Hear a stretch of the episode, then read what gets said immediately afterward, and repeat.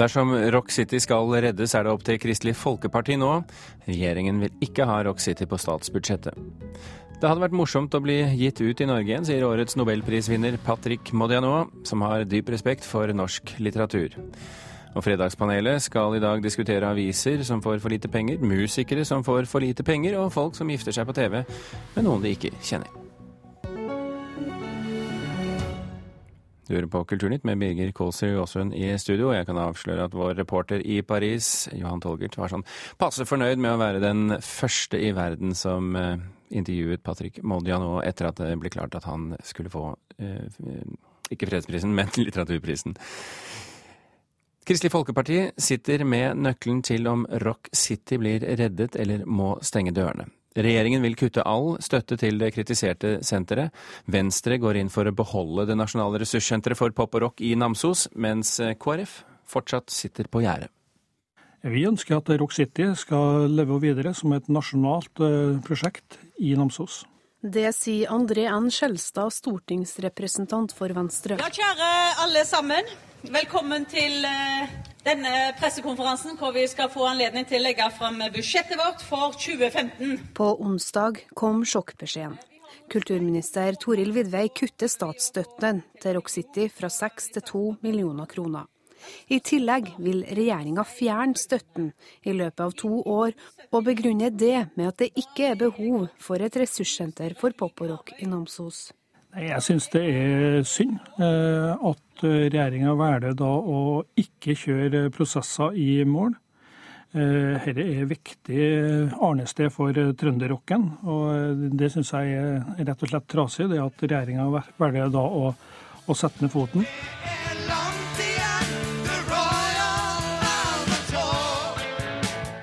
Da senteret åpna i 2011, sto Prudence på samme scene igjen, og det ble en festdag med flere toppolitikere til stede. Den todelte løsningen med ett senter i Trondheim og ett i Namsos ble banka igjennom av Arbeiderpartiet. Til tross for sin unge alder har senteret i Namsos opplevd det meste som kan gå galt.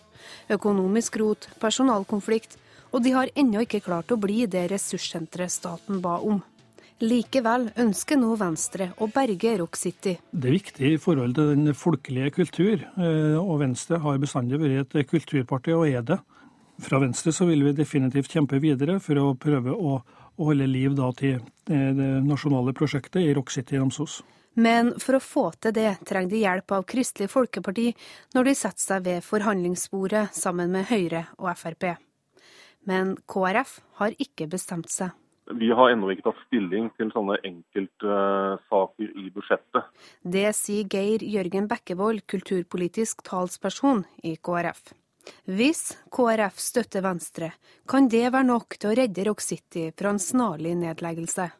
Vi eh, som kultur, kulturpolitikere på Stortinget vi må, eh, vi, må, vi må være mer opptatt av helheten, og ikke bruke enkeltprosjekter som forhandlingskort.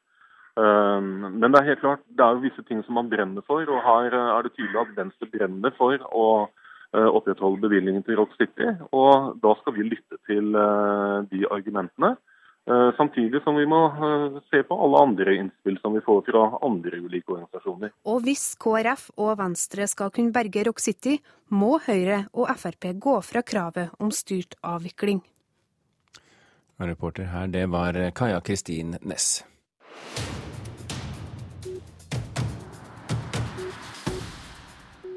Dag Solstad, Vigdis Hjort og Kjell Askildsen er blant 33 norske forfattere som har skrevet under et opprop til støtte for Peter Hanke.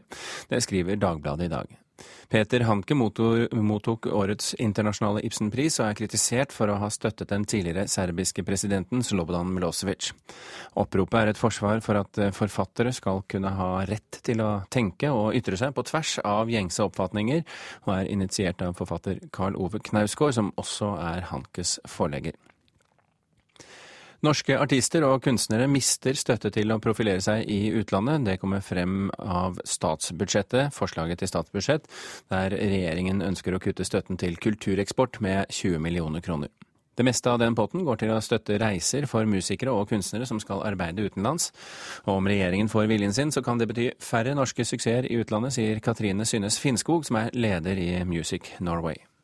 Tror vi mister masse internasjonal erfaring. Vi mister en konkurranseevne internasjonalt. Vi konkurrerer jo på et globalt marked, eh, og den konkurransen den blir tøffere og tøffere. Så hvis vi vil satse på talentutvikling som skal nå et internasjonalt toppnivå, så vil jeg påstå at reisestøtteordninga er et av de eh, virkemidlene som faktisk fungerer.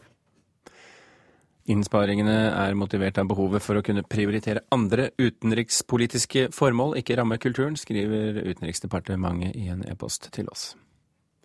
Pink Floyds eh, neste album, The Endless River, blir det siste. Det sier gitarist og sanger David Gilmer til BBC. Albumet kommer 10. november og er en hyllest til bandets keyboardist Rick Wright, som døde i 2008. Gilmer sier Wright var undervurdert av både publikum, media og i enkle tilfeller også av andre i bandet.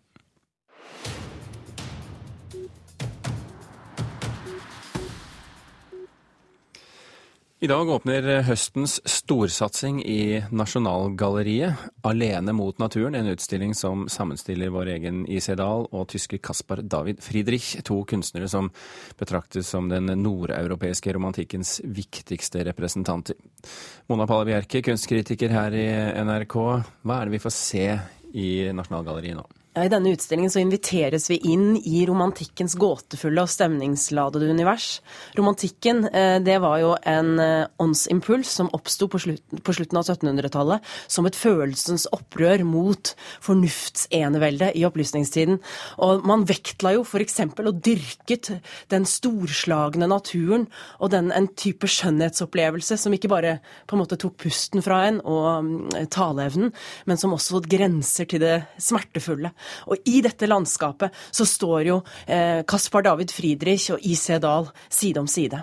Men rent konkret, hvis vi skal gå inn på selve maleriene, hva er det, hva er det maleriene viser?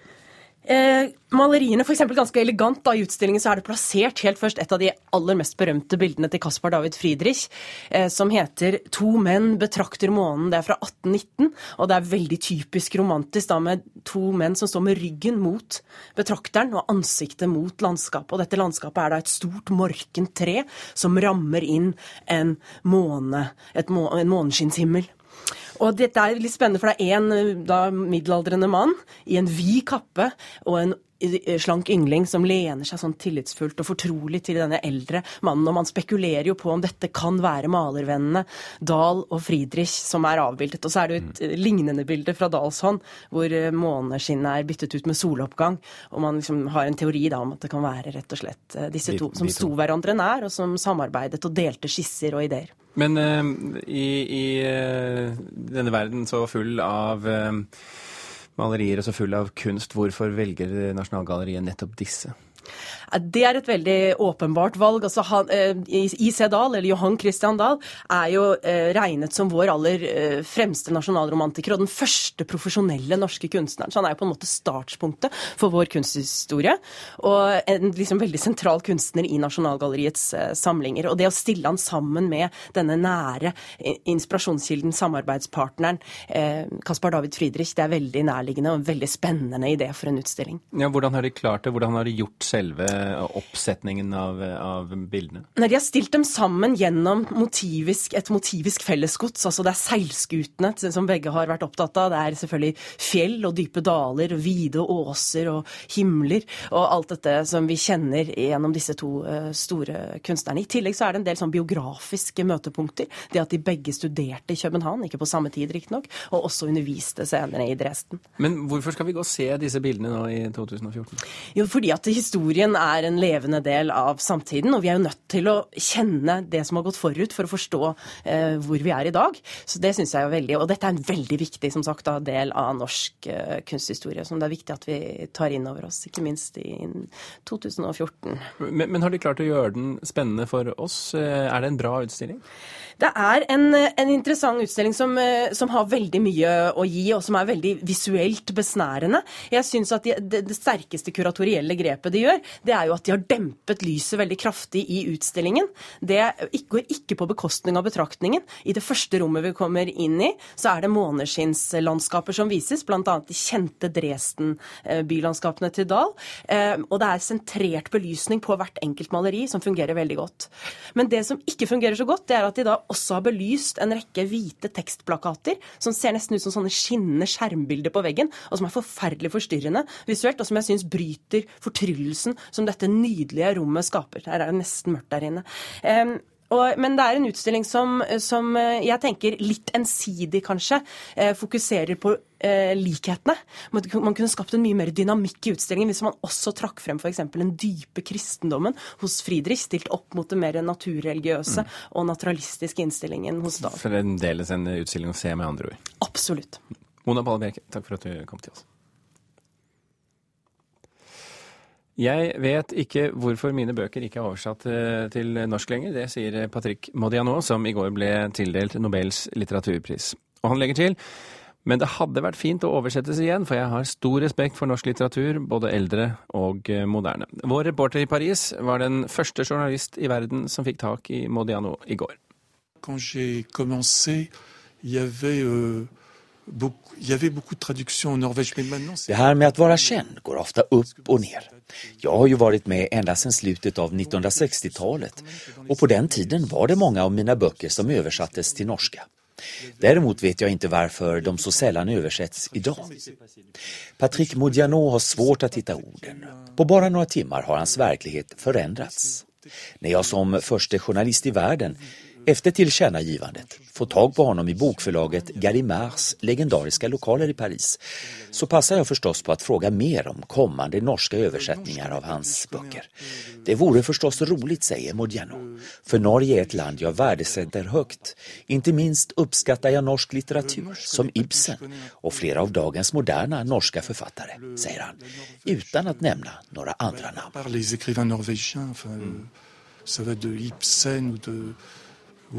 Den 69-årige författaren berättar att han promenerade nära Luxemburgträdgården i Paris när han plötsligt fick ett mobilsamtal från sin dotter, den i Frankrike kända sångerskan Marie Modiano. Pappa, du har tilldelats Nobelpriset, sa hon, i allt buller som finns i den franska huvudstaden, berättade han för mig. Han gör stora gester och ler. Han hittar inte riktigt orden. Han är blyg och ödmjuk och på det viset känns han väldigt trevlig. För mig påminner han lite om Jean-Marie Gustave Le Clézio som fick Nobelpriset år 2008 och som jag hade chansen att träffa då. Frankrike räknar nu uppåt hela 15 stycken nobelpristagare i litteratur. En stor siffra som gör fransmännen lite stolta kan jag lova. Nyheten igår blev en stor händelse. I hemlandet är Patrick Modiano otroligt uppskattad sedan flera decennier. Han har till exempel redan tilldelats det åtråvärda litterära franska Goncourt-priset. Han planerar nu att komma personligen med sin fru till Stockholm för att ta emot Nobelpriset i december. Ofta kretsar hans verk kring ämnen som minne, glömska, identitet och skuld och där Paris ofta är närvarande i handlingen. Den svenska Nobelakademin har givit priset med den mycket gripande motiveringen för den minneskonst varmed han frammanat de ogripbaraste levnadsöden och avtäckt ockupationsårens livsvärd. Vad tycker han själv om detta då? Passar jag på att fråga innan vi skiljs åt. Jo, ja, kanske. Jag är mycket rörd. Jag vet inte riktigt vad jag ska säga, svarar Patrick Modiano innan han går en trappa ner för att ta emot världspressen som otåligt väntat på den nye franske nobelpristagaren. C'est une surprise. Oui, oui, je m'attendais pas du tout. Reporter i Paris, det var Johan Tolgert. Klokken er eh, drøyt 17 minutter over åtte. Du hører på Kulturnytt, og dette er toppsakene i Dagsnytt nå. Jobbe 26 søndager på rad, det kan bli en av følgene av regjeringens forslag til endringer i arbeidsmiljøloven. Det frykter Unio-leder Anders Folkestad.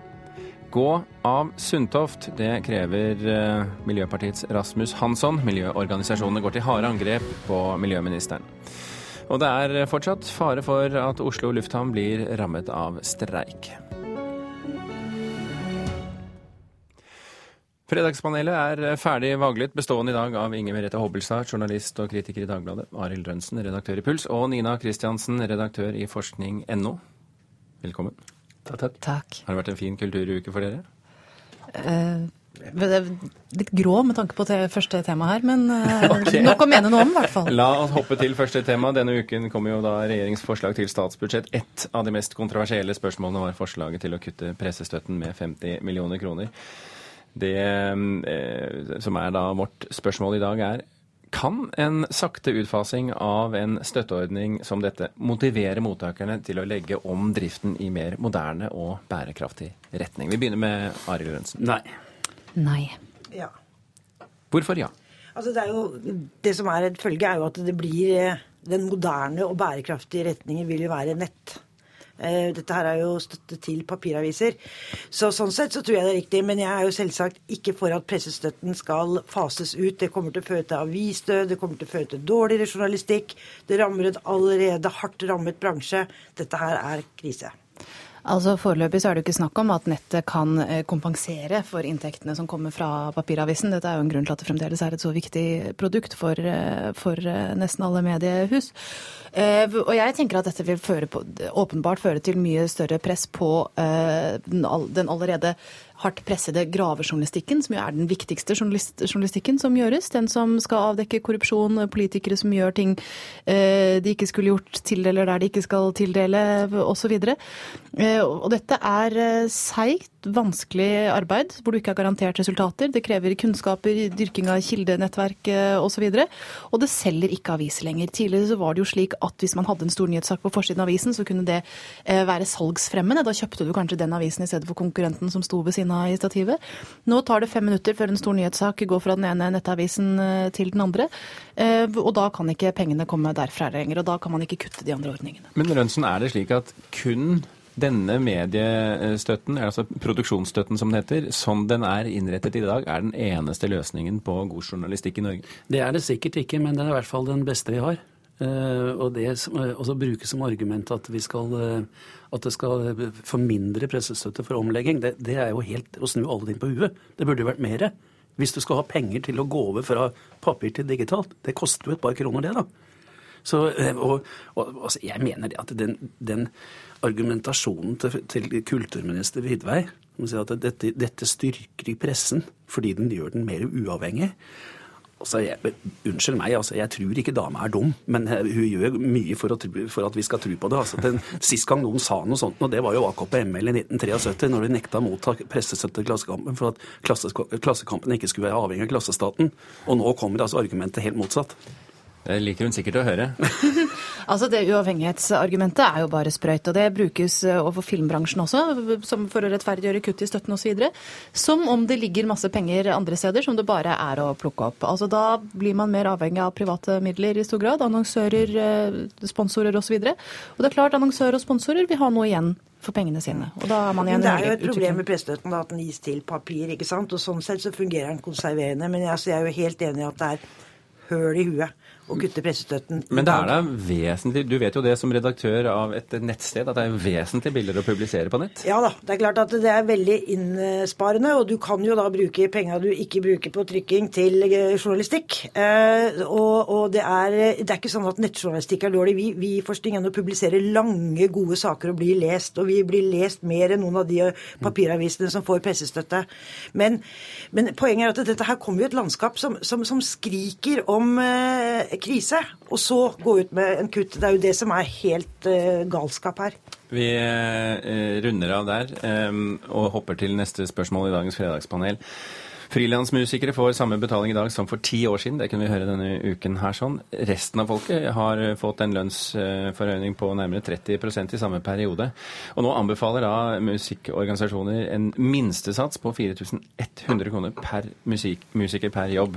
Og utesteder har allerede begynt å varsle eh, nedleggelser og ikke har råd til musikk. Spørsmålet er skal vi velge A færre konserter med bedre betalte musikere, eller B flere konserter med luselønn?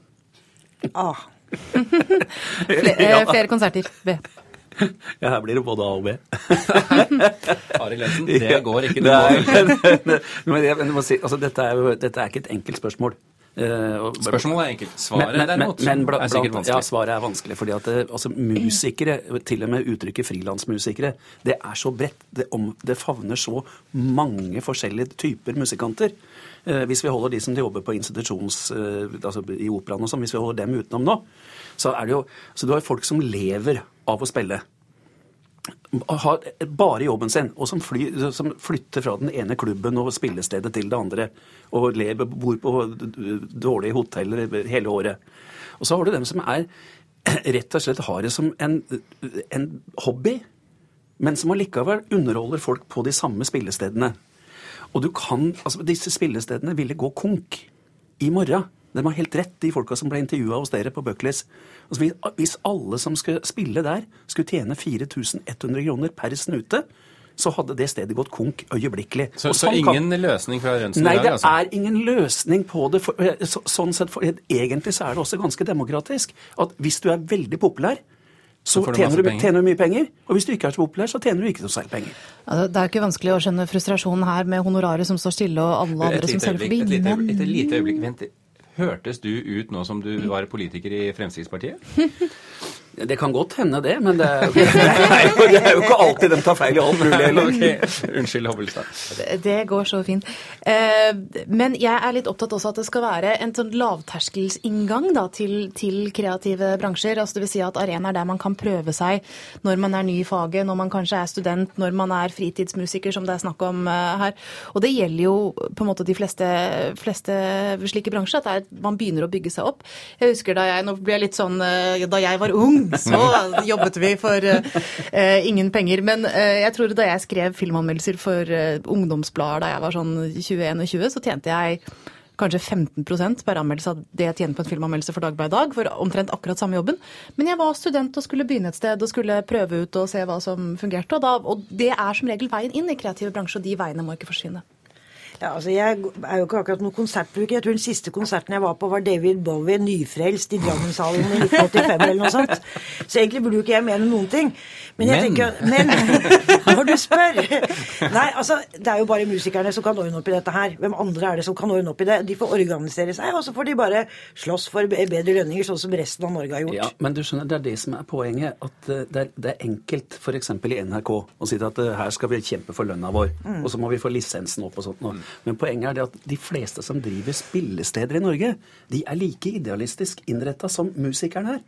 Og hvis, dem, hvis, det ikke kommer inn nok penger i døra, sånn at de greier å betale husleia si, så, så, så, så, blir det ikke noen steder å spille på. Så beskjeden til alle musikere, og dette avbryter jeg for vi skal ja. gå videre, den er lev med det. Hilsen Fredagspanelet. Det er ikke så enkelt. okay. det, det, det, det, kan vi ta, gå litt, litt videre på seinere. Ja. Det er umoralsk av TV Norge å arrangere ekteskap for å lage underholdning. Det mente en teolog i, i Kulturnytt denne uken. Neste uke er det nemlig premiere på realityserien Gift ved første blikk, der personer som aldri har sett hverandre før, gifter seg første gang de møtes. Spørsmålet er har Espen Ottosen i Misjonssambandet rett. Er det umoralsk å gifte seg på denne måten? Nei. Nei. Nei. Nei, men det var hyggelig. Ja. Men du sier jo umoralsk, ikke sant? Og hvis du mener at ekteskap er hellig, så vil jo vi tenke, eller at de som gjør det, de vil jo tenke at det er umoralsk. Er det sprøtt og vanvittig, så er jo svaret ja. Er det det for dere andre òg? Eh, altså For meg personlig og for oss som sitter her, så tror jeg vi ville kanskje tenkt oss om et par ganger før vi bare hoppet inn foran TV-alt det der. Men altså, det er jo som alltid altså, Det er jo ikke noen grunn til at folk ikke skal kunne gjøre som de vil i disse spørsmålene, og at de ikke skal kunne prøve å prøve seg ut uh, romantisk og erotisk på alle måter på den måten de ønsker. Og i dette tidspunktet så tenker jeg at det er jo snakk om én uh, ekshibisjonistisk gambler som blir satt sammen med en annen, og hvis like barn leker best, så bør jo det være et godt grunnlag for fremtidig lykke. Ja, eller, ja, jeg, det kan kanskje være så umoralsk som TV-program, men dette har jo sammenheng med hvor, hvor hellig du oppfatter ekteskapet. da. Mm. Hvis det er sånn som altså Espen Ottosen, for han så er vel det det aller helligste som fins her på jord. Det er å gifte seg. Og det er ufattelig uheldig å skille seg. Og det er klart det at de som blir gift på TV-en uten å ha snakka med hverandre før, sjansen for at de skilles, er relativt stor. Jeg, jeg tror det er 100 skilsmisse i den danske versjonen. Ja, men ikke i den amerikanske, faktisk. De holder sammen, eh, leste jeg på dette i går. Ja, to av tre. Men også forskning viser jo da at skilsmisse ikke er så traumatisk lenger. Og dette her blir jo antagelig ikke noe triste skilsmisser, så det er ikke så Men, men uh, hvis vi, skal nå se på ungdommen, da, den fremvekst, fremvoksende slekt. Hva slags, hva slags, inntrykk får de av ekteskapet når de ser dette på TV? Mm, ungdommene tåler jo også bedre skilsmisser, har vi akkurat tatt en studie på på forskning.no. sånn at det, jeg tror dette her er Altså, Problemet med det er jo reality-sjangeren, ikke i ekteskapet, tenker jeg. Mm. Altså, hva er det vi gjør på TV for tida? Ja. Så, men, men, det er klart at det ja, neste blir vel å lage barn og få barn da, på et realityshow eller et eller annet. Jeg veit ikke. Første møte lage barn? Ja, eller noe sånt. Mm. Ja, okay. Altså Du kan si at hvilket inntrykk får man av ekteskapet, men hvilket inntrykk får man av møter mellom mann og kvinne per se, hvis man skal mm. basere seg på underholdningsprogrammer på TV? Man kan jo godt argumentere for Paradise Hotel som en type kobleri også eh, på den måten, uten at det virker som vi har eh, degenerert som nasjon av den grunn? Eller kanskje men jeg, men jeg, jeg, jeg er enig. Altså, det, hovedproblemet her ligger jo i hva, hva, man bruker tida på, og hva, hva, man lager TV på.